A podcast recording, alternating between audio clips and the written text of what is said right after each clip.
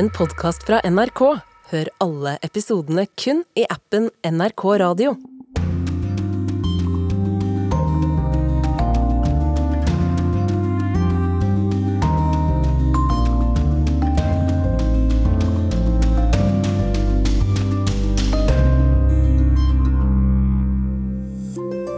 Først ble Koranen satt fyr på i Stockholm. Så gikk det svenske flagget opp i flammer i den muslimske verden. Og nå kan i verste fall det svenske ønsket om Nato-medlemskap forsvinne opp i røyk også. Hva er dette slags strid? Og hvorfor tar presidenten i Tyrkia på seg rollen både som svenskehater og som islams forsvarer?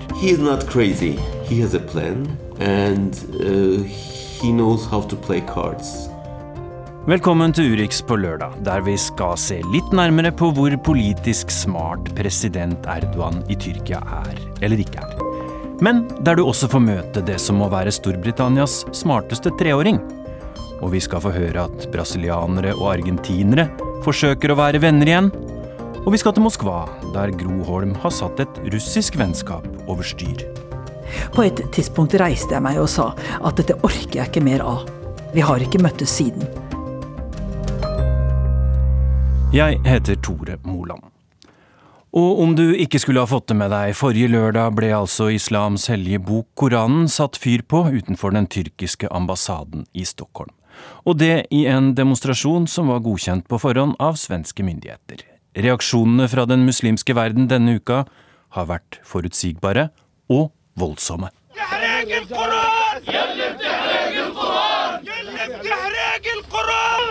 Koranen er grunnloven vår, roper sinte innbyggere i Amman i Jordan.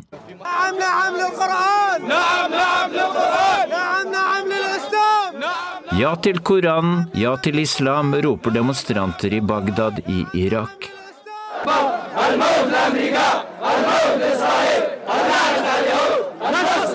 Død over USA, død over Israel, forbannelse over jøder og seier til islam, roper demonstranter i Sanaa i Jemen. I en rekke land har muslimer satt fyr på svenske flagg denne uka. Også politikere har vært med på protestaksjonene etter koranbrenningen utenfor Tyrkias ambassade i Stockholm.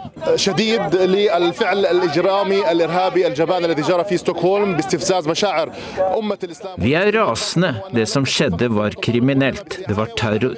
Det var idiotisk. Det var en provokasjon mot muslimer, støttet av Sveriges regjering, sier Jana Al Freihat, som sitter i parlamentet i Jordan.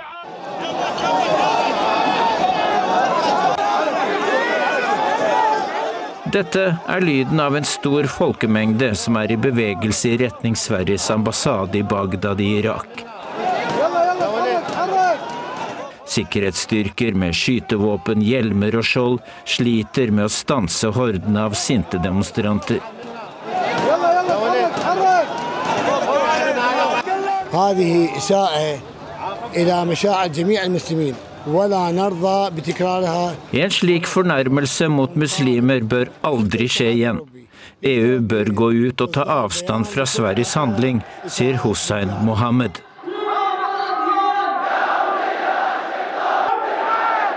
En av verdens viktigste islamske institusjoner, Al-Azhar-universitetet i Kairo, ber muslimer verden over om å boikotte svenske og nederlandske varer. For dagen etter koranbrenningen i Stockholm ble flere sider i Koranen revet ut i en demonstrasjon i Nederland.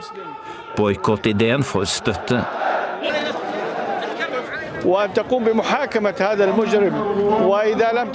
Hvis Sverige ikke ber om unnskyldning, bør vi boykotte svenske varer, sier Murad Ardaleh i Amman.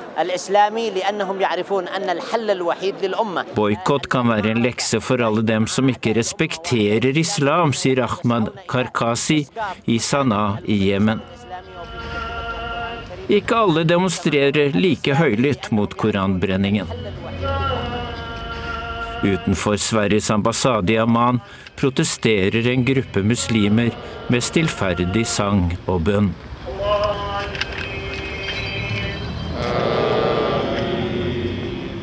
Reporter her var Dag Beredvei. Og Norden-korrespondent Joakim Reistad. Hvordan reagerer stakkars fredelige og tradisjonelt nøytrale Sverige på å ha fått hele den islamske verdens vrede mot seg denne uka? Nei, det er klart, I Sverige så er dette litt todelt. Altså På den ene siden så er det jo mange som selvfølgelig, eller det er vel veldig få i Sverige vil jeg jo si, som, som støtter det Rasmus Paludan gjorde, nemlig å brenne en koran.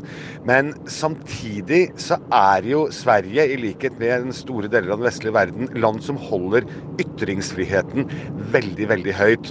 Og, og det har nok gjort at Sverige er både politisk, men kanskje også i folkeopinionen litt i en skvis her. Hvordan skal vi egentlig forholde oss til dette her? Midtøsten-korrespondent Yama Wolasmal, er det ektefølt sinne vi ser i muslimske land mot Sverige nå for å ha vanæra islam, eller er det også et slags politisk spill som foregår?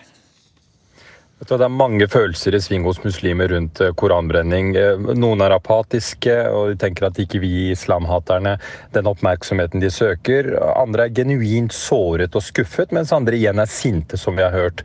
Og, disse følelsene i muslimske land eh, er viktig å bli, altså at man ser på dette i sammenheng med det folk opplever som en konstant kampanje mot deres religion og identitet i vestlige land og medier. De fleste muslimer er overbevist om at uansett hva muslimer muslimer gjør, så blir de kritisert og eh, uglesett.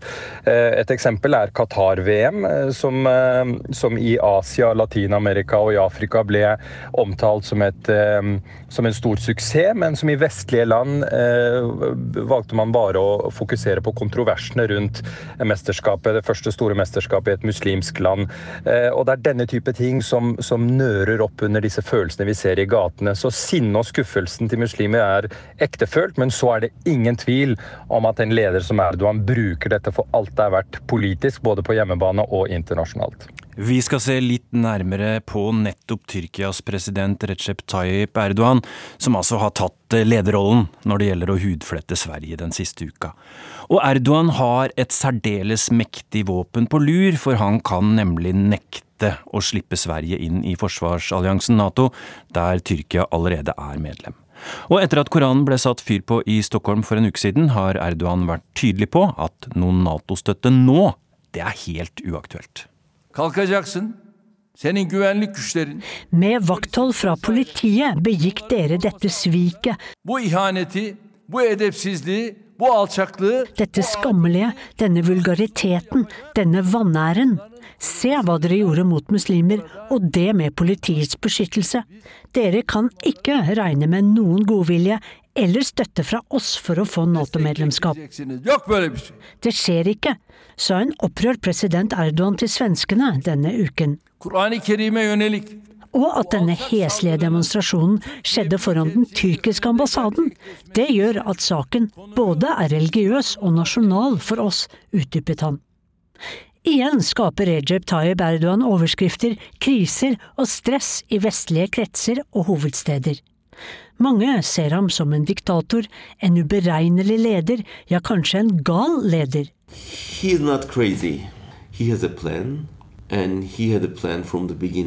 Nei, han er ikke gal. Han har en klar plan. Og han kan det politiske spillet til fingerspissene. Det sier den kjente tyrkiske journalisten og forfatteren John Dundar, som nylig ga ut en bok om Erdogans liv og virke. Ikke undervurder ham, sier journalisten, som selv er straffet av Erdogan for sin undersøkende journalistikk. Erdogan er en spiller på verdensscenen, dette til tross for at han ikke snakker noe annet språk enn tyrkisk. Og selv Dundar, som er en sterk kritiker av Erdogan, er imponert. That's even surprising for me. I mean, work, I worked a lot on his life story, seeing his policies, strategy, his potential of adaptation is amazing. Det er utrolig, selv for meg, å se strategiene hans, og se hans evne til å tilpasse seg enhver situasjon. He's a political animal, so he smells. He's got instincts, and he knows how to play with the world politics. Any, uh, Han er et politisk dyr med god luktesans og gode instinkter, og i tillegg har han ingen prinsipper. Trump, Putin og Assad, de var alle fiender den ene dagen og bestevenn den neste. Erdogan kan snu 180 grader for å oppnå det han vil. Det gir ham selvsagt fleksibilitet. Men så har han også vært heldig med det som har dukket opp på hans vakt, forklarer Dundar. The political climate, international political climate, helped him a lot. Uh. Flyktningkrisen gav ham makt over EU. Erdogan fikk penger for å beholde flyktningene i Tyrkia. Og til gjengjeld stoppet EU å mase om menneskerettighetsbrudd i Tyrkia. Så kom Ukraina-krigen, og igjen trengte Europa Erdogan. Og nå er det Nato som trenger ham, for å slippe inn Finland og Sverige. Ingen tok Erdogan seriøst da han sa at han ikke ville godkjenne de to nye søkerlandene, men se nå, sier den tyrkiske journalisten. I mer enn 20 år har Erdogan styrt Tyrkia. Først trodde Vesten at de hadde med en fremsynt, moderat muslimsk leder å gjøre. Men Erdogan er også kjent for å ha sagt Demokrati er som en trikk. Du sitter på til du når målet, og så går du av. Og med årene har Tyrkias leder vist seg som stadig mer islamistisk, nasjonalistisk og autoritær. 14 Mayıs 2023 Pazar gününün her bakımdan seçim için Søndag 14. mai er den beste datoen for nyvalg, sa Erdogan denne uken. Han håper at alle vil delta.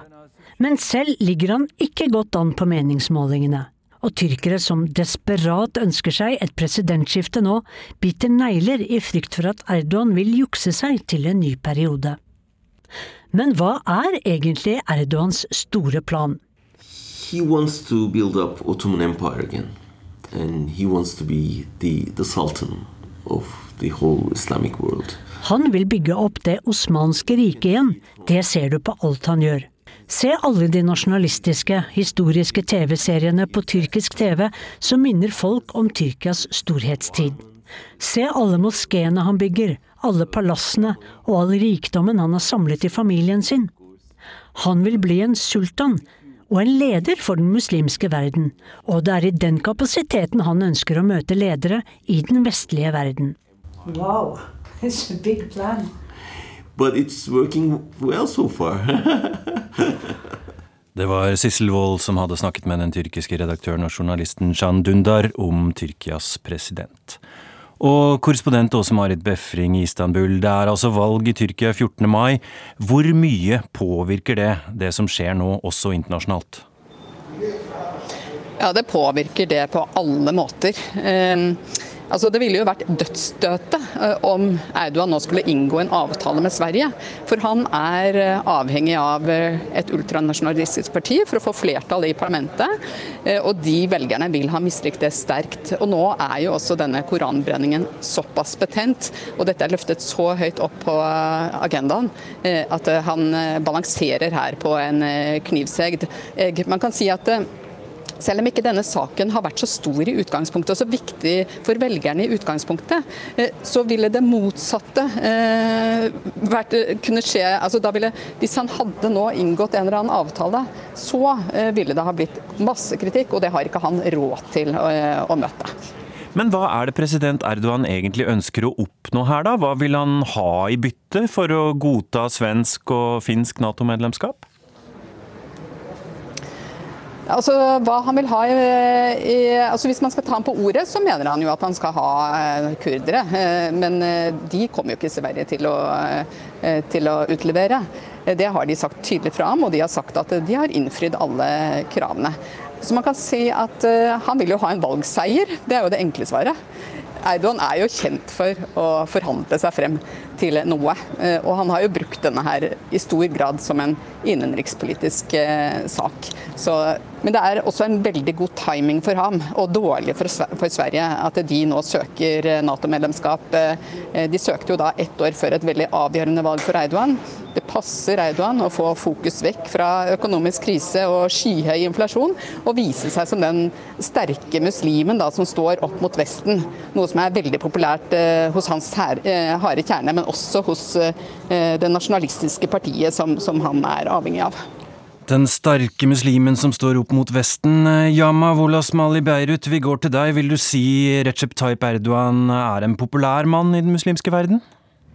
Det er det ingen eh, tvil om. Jeg husker godt jeg dekket den arabiske våren tilbake i 2011 og var i Egypt og Libya bl.a. og snakket med folk som akkurat hadde veltet regimene til diktatorene som styrte de landene. Så spurte jeg folk ute i gatene som endelig hadde fått friheten sin, hva ønsker dere for landet deres?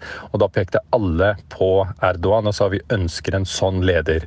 Eh, og Årsaken til det er at eh, muslimer mener at han har bygd en sterk, moderne stat som er tuftet på muslimske verdier, som er stolt av den muslimske identiteten, og Erdogan går ikke rundt og unnskylder seg og gir etter for press fra vestlige land, eh, slik man ofte opplever at andre muslimske ledere gjør, og det gjør han svært populær i det muslimske folkedypet. Eh, så populær faktisk at medlemmer av det pakistanske senatet har nominert ham til Nobels fredspris for hans meglerrolle i Ukraina-konflikten.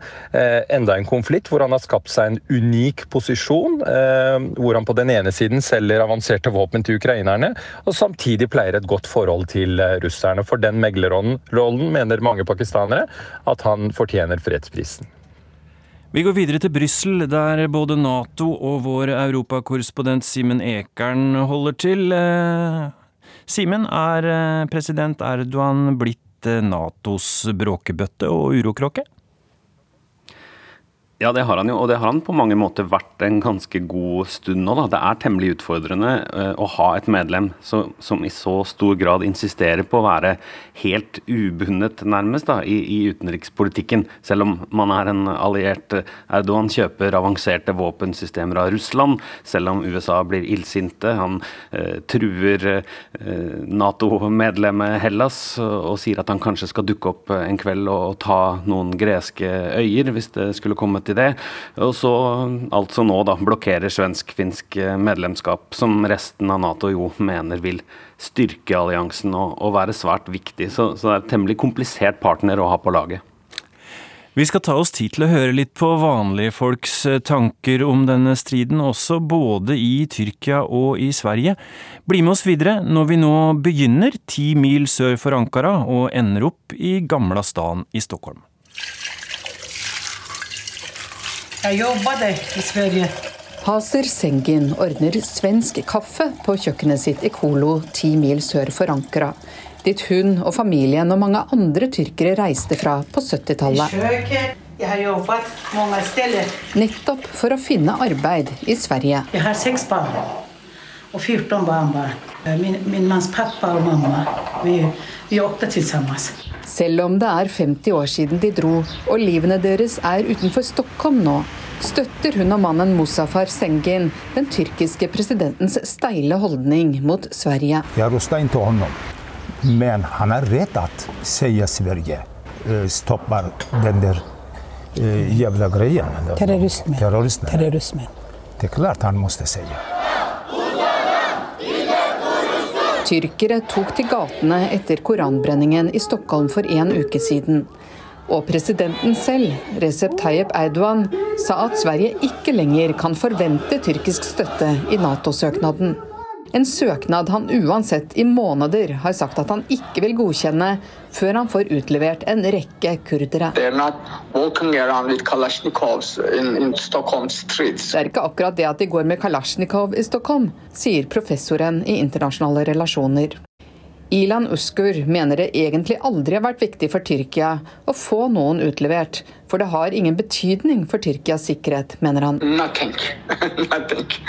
Of course, of course, that's not the issue. I mean, those people, probably some of them, may have been uh, part of the PKK many years ago. But in reality, of course, it, it does not contribute anything, slightest contribution to, to, to the fight against PKK. Uskul mener det hele tiden har handlet om å vise seg som en sterk leder, og tror det vil løse seg rett etter valget. I think it, it will be solved uh, when the elections finished, uh, whether Erdogan will win it or not. He will need more to the, the, the support of the Western financial circles. But won't the public mistrust him if he just make this U-turn? No, no way, never. The political history of Erdogan for the last 20 years is, is full of uh, U-turns. I mean, his, his audience, his, his electorate doesn't care about U-turns. They trust him, and that's all. Vendela Rege synes det er et vanskelig spørsmål hun har fått. Den unge kvinnen har pakket seg godt inn i et tykt, knallrødt skjerf. Det er kveld i Gamla stan i Stockholm, og det blåser en sånn ekkel, kald vind fra øst. Den unge kvinnen dveler ved svaret på spørsmålet om hvordan Sverige skal forholde seg i den videre Nato-prosessen. Eh, jeg, jeg, er litt delt kring denne. Eh, jeg syns at Nato generelt, og i og med hvordan Russlands situasjon eh, i hele verden er just nå, så syns jeg at det er en vanskelig spørsmål. Forholdet mellom Sverige og Tyrkia har surnet mer og mer til siden nyttår.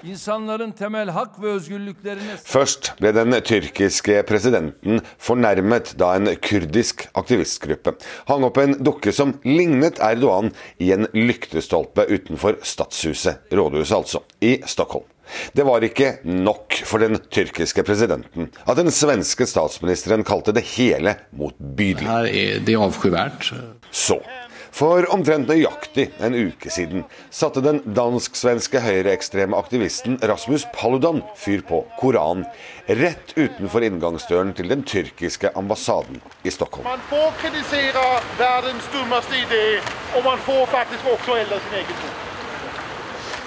Og som om ikke dette var nok. Denne uken begynte finnene å hinte om at de kanskje ikke er like standhaftige tinnsoldater ved Sveriges side likevel. Finland og Sverige søkte jo Nato-medlemskap sammen i fjor, men Finland har først og fremst sin egen sikkerhet og en 1340 km lang grense mot den russiske krigsmakten å tenke på. Our border is next to Russia and Sweden is uh, further, and they, now they have major problems with Turkey. So I would appreciate it. Det er ikke så kaldt i den finske hovedstaden denne dagen, faktisk et par plussgrader, men Lena Posa har trukket luen godt over ørene. Og i Gamla stan i Stockholm påpeker Vendela med det røde skjerfet det mange tenker. Hadde folk i Sverige stemt ja til Nato om de egentlig visste hva de gikk til, og om det ble avholdt en folkeavstemning? Om man da i lengden kommer se ok, kommer vi gynnes, hvordan skulle vi ha sagt i så fall? Og jeg tror at mange kanskje ikke skulle ha røstet ja. Da hadde svensk politikk kanskje aldri blitt en del av den tyrkiske valgkampen, og statsministeren i Sverige hadde ikke trengt å mane til ro og besinnelse hos grupper i det svenske folk. Ja, Joakim Reistad. Hva blir svenskenes strategi nå? Er det best å innse at dette er blitt valgkampmat i Tyrkia, og så bare sitte stille i Nato-boten etter det tyrkiske valget? Ja. Det er nok eh, svaret. Fordi at eh, det man innser i Sverige nå, det er at det er ingen vits i å begynne å eh, kan man si, presse på før Tyrkia har avholdt sitt valg. Det kommer ikke til å gå. Man kan prøve med alle diplomatiske metoder, men her er ikke Tyrkia interessert. Tyrkia er fornærmet, og Sverige opplever at de er fornærmet, altså Tyrkia, på at Sverige holder ytringsfrihetsfanen høyt, for å si det på den måten. Det vil ikke Sverige gå med på.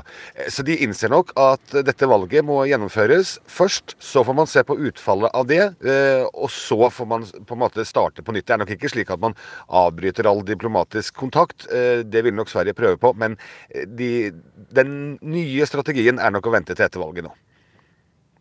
Simen Ekern, hva er strategien i Brussel? Hva sier Nato nå? For Natos del så er det nok viktig å holde fast ved den avtalen som ble framforhandlet før, før toppmøtet i Madrid i fjor sommer, og som jo ble betegna som en eh, suksess. Eh, at man håper at dette fortsatt eh, kan gjøres. Jeg snakket med generalsekretær Jens Stoltenberg eh, i går. Vi kan jo eh, høre litt av det, det han sa. Jeg er trygg på at Sverige og Finland blir medlemmer. Spørsmålet er når. Og så må vi også huske på at Sverige og Finland er i en mye bedre sikkerhetspolitisk situasjon nå enn før de søkte. Fordi Det som har skjedd siden da, er for det første at de har fått bilaterale sikkerhetsforsikringer fra en lang rekke Nato-land som en del av medlemskapsprosessen. Fra USA, Storbritannia, Tyskland og andre. Det andre er at Nato har økt sitt nærvær i området. Det tredje er at Sverige og Finland nå har status som inviterte. Det sa Jens Stoltenberg til deg i går, Simen Ekern. Men like fullt, både Ungarn og Tyrkia stiller seg da i veien. Hva betyr det for militæralliansen å ha en sånn uavklart strid mellom et par medlemsland og et par som ønsker å bli medlemmer? Det er jo eh, komplekst, og så stemmer jo det eh, antageligvis, som eh, Jens Stoltenberg er inne på her, at i praksis så er det en hel del som har skjedd likevel, og som gjør at man på en måte kan, kan si at denne prosessen fortsetter, da, selv, om, selv om det formelle ikke, ikke, er i orden. Men det er klart, dette dette, dette er fryktelig utfordrende på lang sikt, og det er jo mange i enkelte Nato-medlemsland som, som jo i stadig større grad mener at det Erdogan driver med, er utpressing, og at man må ha en annen taktikk. Kanskje sette hardt mot hardt og si eh, ærlig talt, eh, sånn kan du ikke eh, fortsette. Og, og, og, trekke fram det som mange egentlig ikke vil snakke om, muligheten for at man må utvise Tyrkia. Det er jo ikke noe de fleste vil høre snakk om, nettopp fordi Tyrkia jo tross alt også er en veldig viktig alliansepartner, veldig, veldig viktig tilstedeværelse for Nato i regionen, har vært en veldig viktig bidragsyter på mange vis eh, og i mange operasjoner. Eh, men man må jo spørre seg da om man kommer til et punkt der denne veldig uavhengige posisjonen og hele tiden trenere og hele tiden gå lenger og lenger vekk fra det som i mange viktige utenrikspolitiske spørsmål er Nato-linja.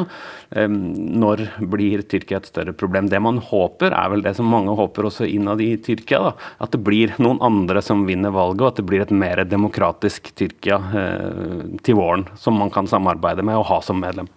Vi sier eh, takk til eh, vår kvartett av korrespondenter. Joakim Reistad, Norden-korrespondent. Yama Wolasmal, Midtøsten-korrespondent. Åse Marit Befring i Istanbul. Og Simen Ekern i Nato-hovedkvarterbyen Brussel.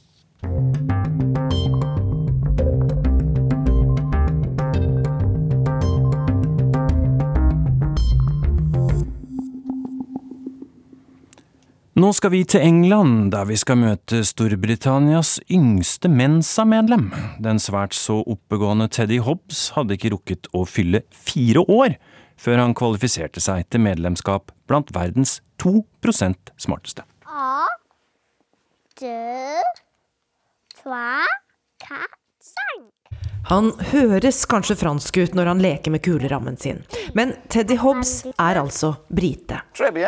Han kan telle til 100 på tysk, spansk, walisisk og mandarin også. Til sammen sju språk har han lært seg på sine nå fire år. Han lærte seg å lese selv, forteller mamma Beth Hobbs til ITV.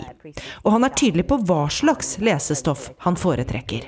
We went to a bookshop and he had okay, you can, you've got ten pounds, choose whatever book you want, and he chose first thousand words in Mandarin, which is an Osborne book. And, and, we were there like, oh, look at this lovely book. It's got a lovely story. Look at the pictures. And he was like, no, this is what I want. Teddy kjøpte ikke boka med de fine bildene. Han insisterte på en tjukk bok med ord på mandarin, sier moren. Helst vil han lese avanserte tekster som Harry Potter, men moren prøver å finne noe som er mer egnet for en fireåring. To become a member Teddy viser frem diplomet som viser at han nå er Storbritannias yngste medlem i den internasjonale organisasjonen Mensa. Den tillater kun folk med høyere IQ enn 98% av befolkningen. Det er altså en eksklusiv gjeng Teddy ble med i da han bare var tre år og sju måneder gammel. Da var intelligensen hans som en åtte, snart niåring, forteller moren Beth Hobbs. So he was three years and seven months, and it said his letter and word recognition was at eight years and ten months. Wow. And like we had an inkling that he was a bit ahead, but actually seeing the numbers on the paper and realizing, and then thinking, Teddy has done all of this himself. When we go out and we give him the option of a treat, he wants a book rather than chocolate. Teddy vil heller ha en bok enn sjokolade. Og når han leker med plastelina, lager han ikke bare dyr på en bondegård. A shape of Kenya. Kenya the country? Yes. Han lager hele land. Foreldrene er spent på guttens skolegang når den begynner til høsten. Men det kan være vanskelig å bruke Mensa-medlemskapet til å lete etter en retning for Teddy. For ser man på lista over internasjonale Mensa-medlemmer, består den av alt fra idrettsfolk til kunstnere, politikere og astronauter. Det er oppfinnere og til og med kriminelle. Den seriepedofile britiske TV-profilen Jimmy Savile var medlem. Artistene Madonna og Shakira visstnok likeså.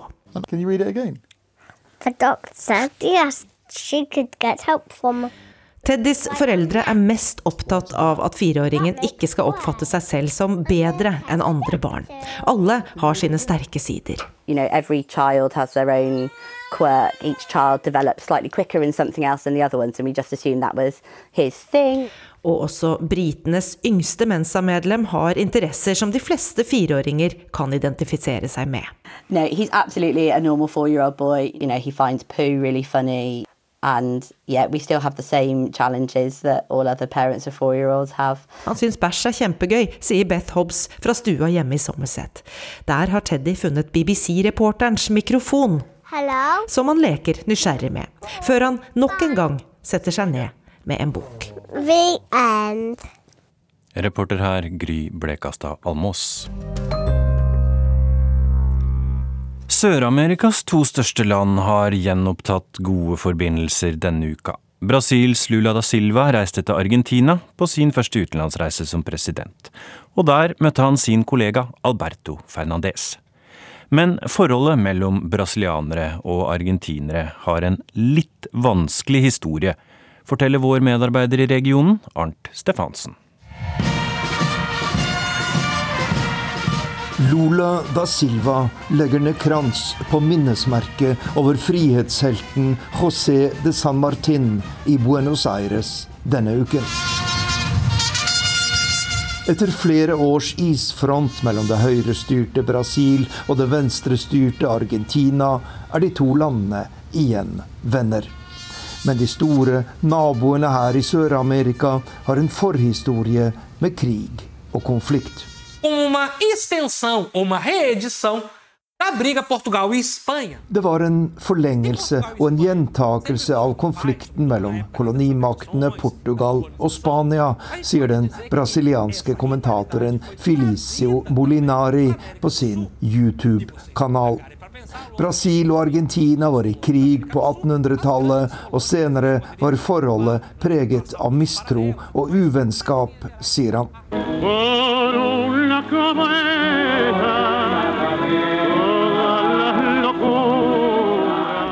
Tangolegenden Carlos Gardel er selve symbolet på Argentinas storhetstid på 1920-tallet.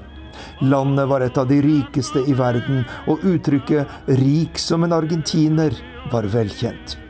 Samtidig var Brasil svært fattig, med enorme sosiale forskjeller, sier kommentatoren. Nós temos um, ou pelo tínhamos durante muito tempo. Vi hadde et sterkt mindreverdighetskompleks overfor argentinerne. De bøyde ikke hodet for noen og viste åpent at de var oss overlegne. Dette har preget forholdet mellom våre to land helt frem til vår tid, sier kommentatoren Felicio Molinari. Men de siste tiårene har det gått bratt nedoverbakke for Argentinas økonomi, og streiker og demonstrasjoner har preget landet. De tidligere så rike argentinerne er blitt fattige, og selvbildet er sterkt falmet. Samtidig er Brasil blitt den suverene stormakten i Latin-Amerika, og endringene har i stor grad fjernet brasilianernes komplekser. Men en hendelse for halvannet år siden viser at det skal lite til før de kommer til overflaten igjen. Los brasileros salieron de selva, Brasilianerne kom fra urskogen. Vi kom med båt fra Europa, sa Argentinas president Alberto Fernandes på en pressekonferanse. Da ble det rabalder her i Brasil, og han måtte beklage. Kanskje ikke så rart at brasilianerne forteller vitser som denne. Hva er verdens beste handel? Å kjøpe en argentiner for det han er verdt, og selge ham for det han tror han er verdt.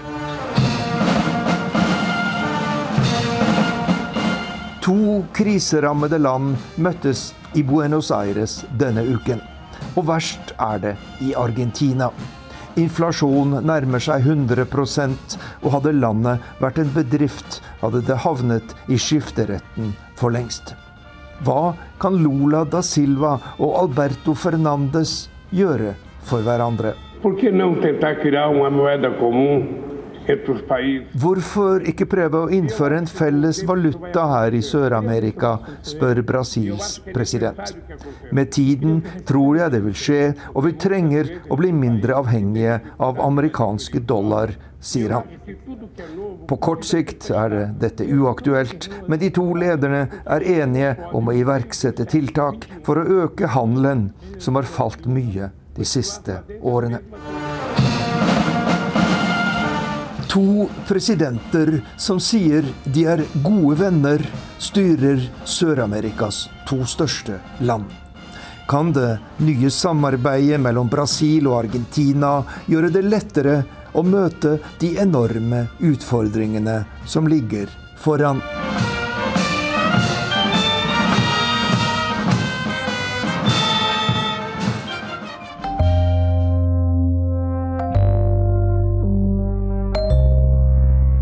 Og striden mellom Tyrkia og Sverige om koranbrenning og om Nato-medlemskap har vært en av de store nyhetssakene internasjonalt denne uka. En annen har vært Tysklands nokså nølende og langtrukne ja til å levere tyskproduserte stridsvogner til Ukraina.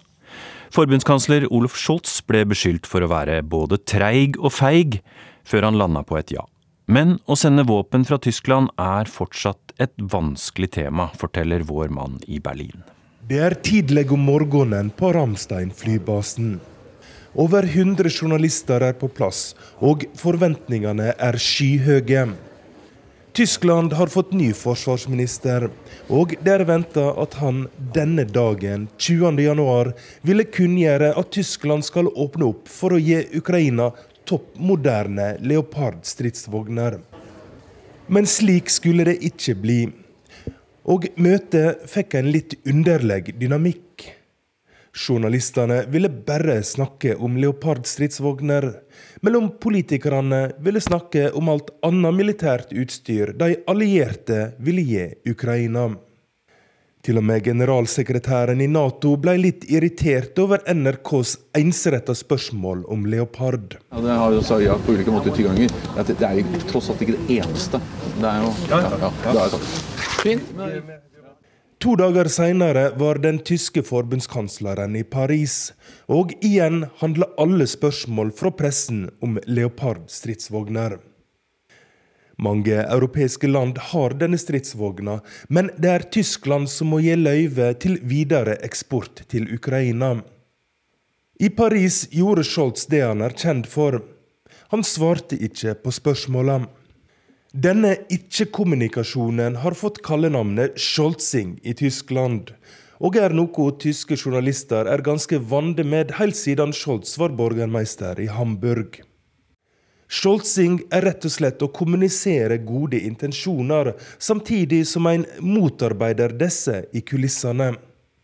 Gjennombruddet kom da USAs president Biden kunngjorde USA ville sende amerikanske Abrams-stridsvogner til Ukraina. Today that the United States will be sending 31 Abram tanks to Ukraine. Like etter åpner Scholz for å sende Leopard-stridsvogner. Germany has really stepped up. The Chancellor has been a strong, strong voice for unity, a close friend, and for the level of effort we're going to continue. Men kritikken hagla. Opposisjonen mente Tysklands gode navn og rykte hadde tatt skade. Scholz møtte opp på tysk TV for å forsvare seg. Wer Panzer liefert, darf das niemals aus in Han understreka det var farlige tider i Europa, og at europeiske ledere må være ansvarlige. Og så la han til at Scholzing det betyr at det er Tyskland som gjør mest. Die Übersetzung von Scholzing ist, Deutschland macht das meiste.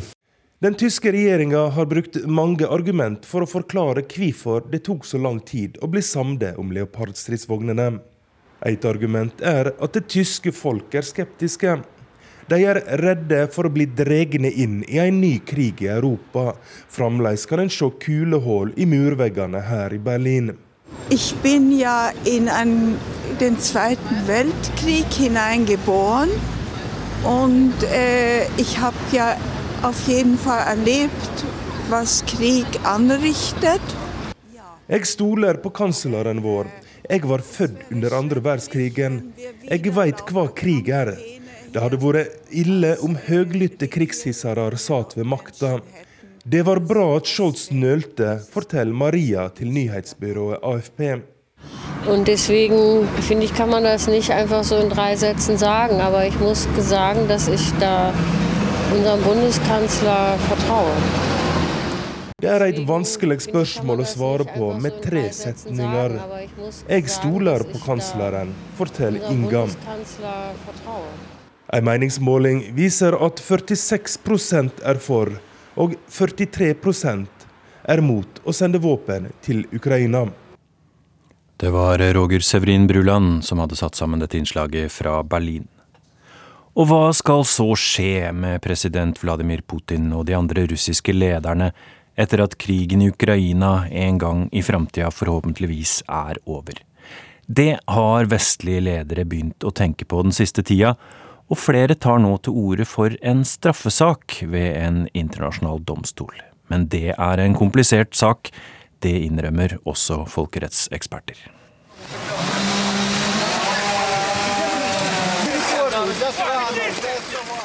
De første kaotiske timene etter at en russisk rakett nylig la store deler av en boligblokk i grus i byen Dnipro i Ukraina. Redningsmannskapene leter desperat etter overlevende i ruinene.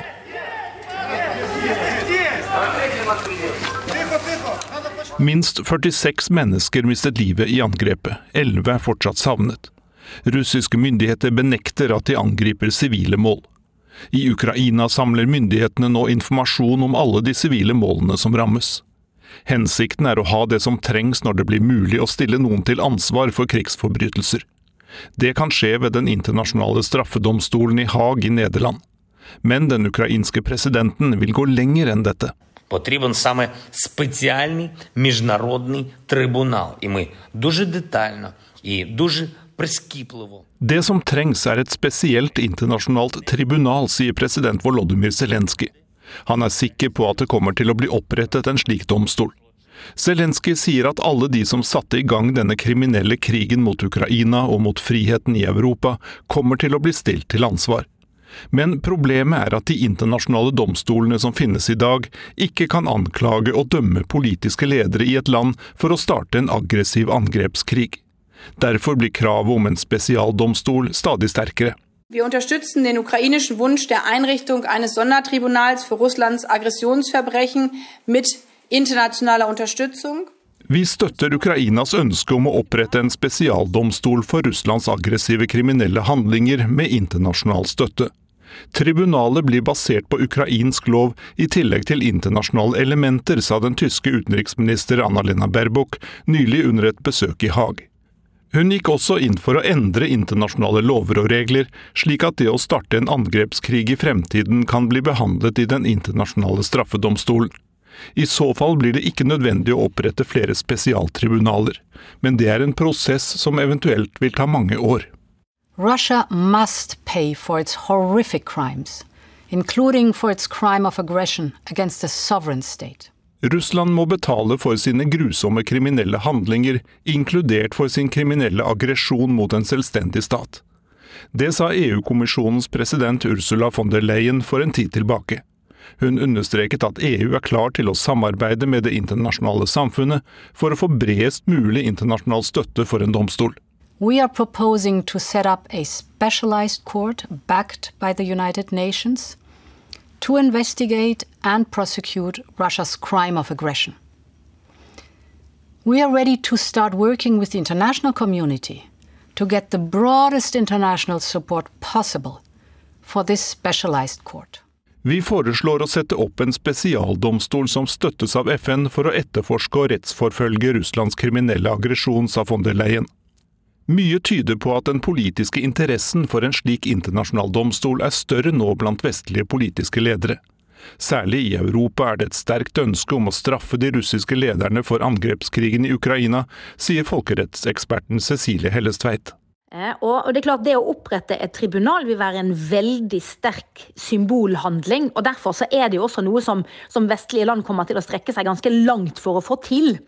Eh, ikke minst europeiske land som ønsker å vise med dette at det er helt utilgivelig, det eh, russiske ledere har gjort. Altså med vitende og vilje starte en krig i Europa. Og at det vil aldri bli på en måte godkjent. Og man kommer til å bruke absolutt alle virkemidler man har til å prøve å straffe russiske ledere for dette. Ifølge Hellestveit er det vanligvis FNs sikkerhetsråd som har makt til å opprette internasjonale tribunaler mot suverene stater men nå er det snakk om å gå utenom Sikkerhetsrådet for å bli enige om et tribunal mot de russiske lederne.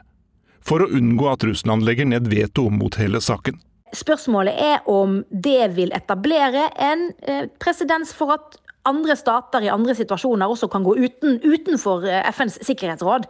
Så du kan på en måte si at dette vil svekke svekke FNs sikkerhetsråd, eh, kanskje, på en måte og i en tid hvor Sikkerhetsrådet har ganske mange viktige funksjoner. Så, så det er en sånn det, det er et, et, ekte dilemma her, eh, tror jeg vi kan si. Folkerettsekspert Cecilie Hellestveit til reporter Jan Espen Kruse.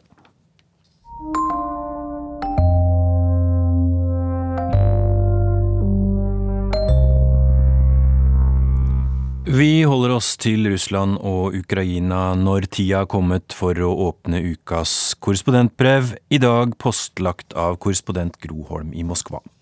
Hun bor i et land som fører krig, men der det er fullt mulig å leve som om krigen ikke fantes. Kanskje vi skulle gi ordet til noen fra de uvennlige landene? Utenriksminister Sergej Lavrov smilte. Vi vestlige journalister viftet i kor med nummerlappene våre for å bli sett, for å få stille neste spørsmål på pressekonferansen. Mens jeg satt der med nummer 52 i lufta, slo det meg hvor lett vi godtok hans beskrivelse av oss, de uvennlige. Kanskje fordi det ble sagt med et snev av hans gamle, velprøvde sjarm. Jeg skammet meg. Det er ikke vi som er problemet, det er han og resten av den russiske ledelsen. De snakker om å seire over nazistene, men selve språkbruken er et bedrag, kanskje også et selvbedrag.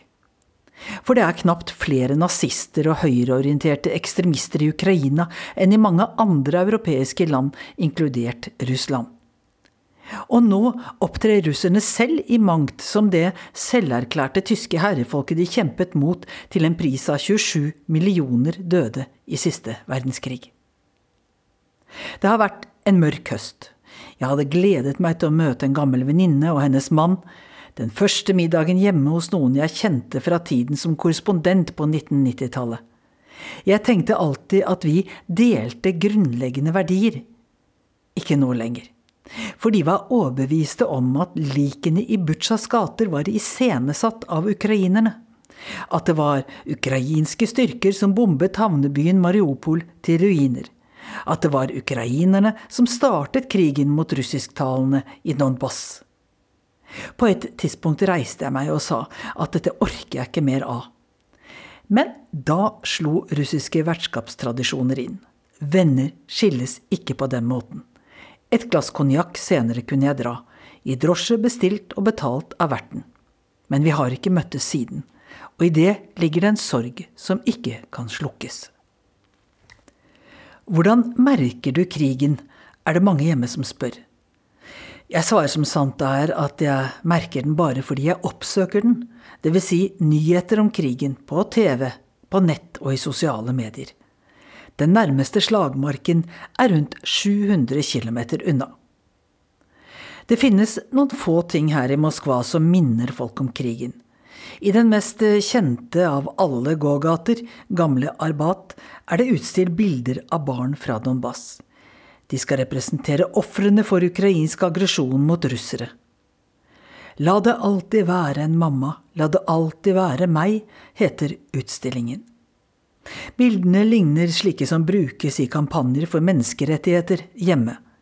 Men her er de hengt opp for å rettferdiggjøre en angrepskrig de er vanskelige å se på. Jeg vil gjerne dra til Donbass selv, til stedene hvor folks liv er endevendt, hvor alle har en historie om drepte slektninger og naboer. Siden jeg må reise inn fra Russland, beskyttet av russiske styrker, vil det være historier om ukrainske overgrep. Men vi må tåle å høre om de sivile lidelsene på den siden også. Vi må kunne se sivile ofre og pårørende fra begge sider i øynene og si 'Jeg hører hva du sier'. Jeg forstår din sorg. Kanskje også gråte med dem. Og så må vi holde fast ved hvem som har det politiske ansvaret for at det er blitt slik. Men de som sitter med det ansvaret, slipper ikke gjerne vestlige journalister inn til krigen. For å være ærlig så vet jeg heller ikke hvor mange som har forsøkt. Vi er, med rette, redde for å bli styrt i deres retning, utnyttet i deres propaganda. Det som foregår i Ukraina, har ingen betydning for hvordan vi ser på framtida, sa to unge journaliststudenter jeg møtte i forrige uke. De jobber med lokaljournalistikk og kultur. De unge kvinnene ser ikke nyheter på TV, omtrent som unge voksne i Norge. Dermed får de ikke med seg alle suksesshistoriene om treffsikkert artilleri, om unge soldater som er villige til å ofre alt for å slå nazistene. Bang, bang, to setninger fra reporteren. Bang, bang, en setning fra en stridsvognsoldat. Bang, bang, plutselig et mannskor på tur i krigsområdet. Bang, bang, reporteren som viser ruiner som er klarert for miner og udetonert artilleri. Endelig, nå har vi kontrollen, sier reporteren. Nazistene er fordrevet. Sånn går de russiske TV-nyhetene, dag etter dag. Det finnes selvsagt også folk som bryr seg her i Russland. Flere hundre tusen snakket med bena da de rømte landet i forbindelse med den delvise mobiliseringen i høst.